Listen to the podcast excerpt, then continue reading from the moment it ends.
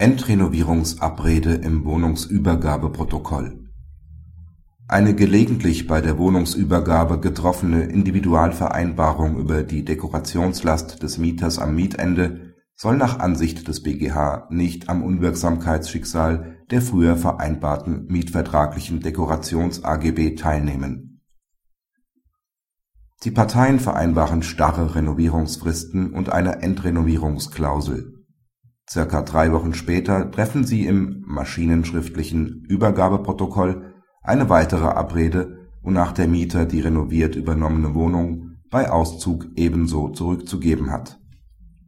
Beim Mietende begehrt der Vermieter nun Schadensersatz für Dekorationskosten.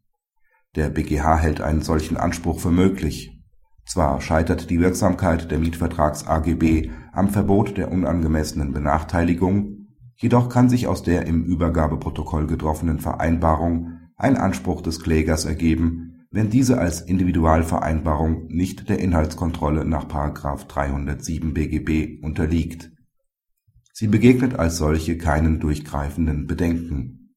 Wenn eine Individualvereinbarung vorliegt, führt dies auch bei Zusammentreffen mit ansonsten nach den § 305 fortfolgenden BGB scheiternden Mietvertrags-AGB zu keinem verbotenen Summierungseffekt. Dieser kann sich nur auf die unwirksame Formularklausel beziehen. Kritik Die Entscheidung erging nicht abschließend, weil das Vordergericht prüfen soll, ob tatsächlich eine Individualvereinbarung vorliegt. Daraus ergibt sich auch, dass ihr zugunsten des Vermieters nur eine eingeschränkte Bedeutung zukommen kann. Denn jede Absicht oder Umsetzung einer Mehrfachverwendung würde zur Anwendbarkeit der § 305 fortfolgenden BGB führen.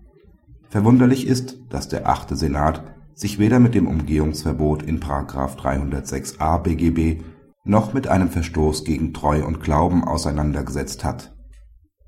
Auch erscheint merkwürdig, dass infolge eines sukzessiven Abschlusses der einschlägigen Abreden die § 305 fortfolgenden BGB ausgeschlossen sein sollen dann wären Vertragsänderungen weitgehend einer Inhaltskontrolle entzogen.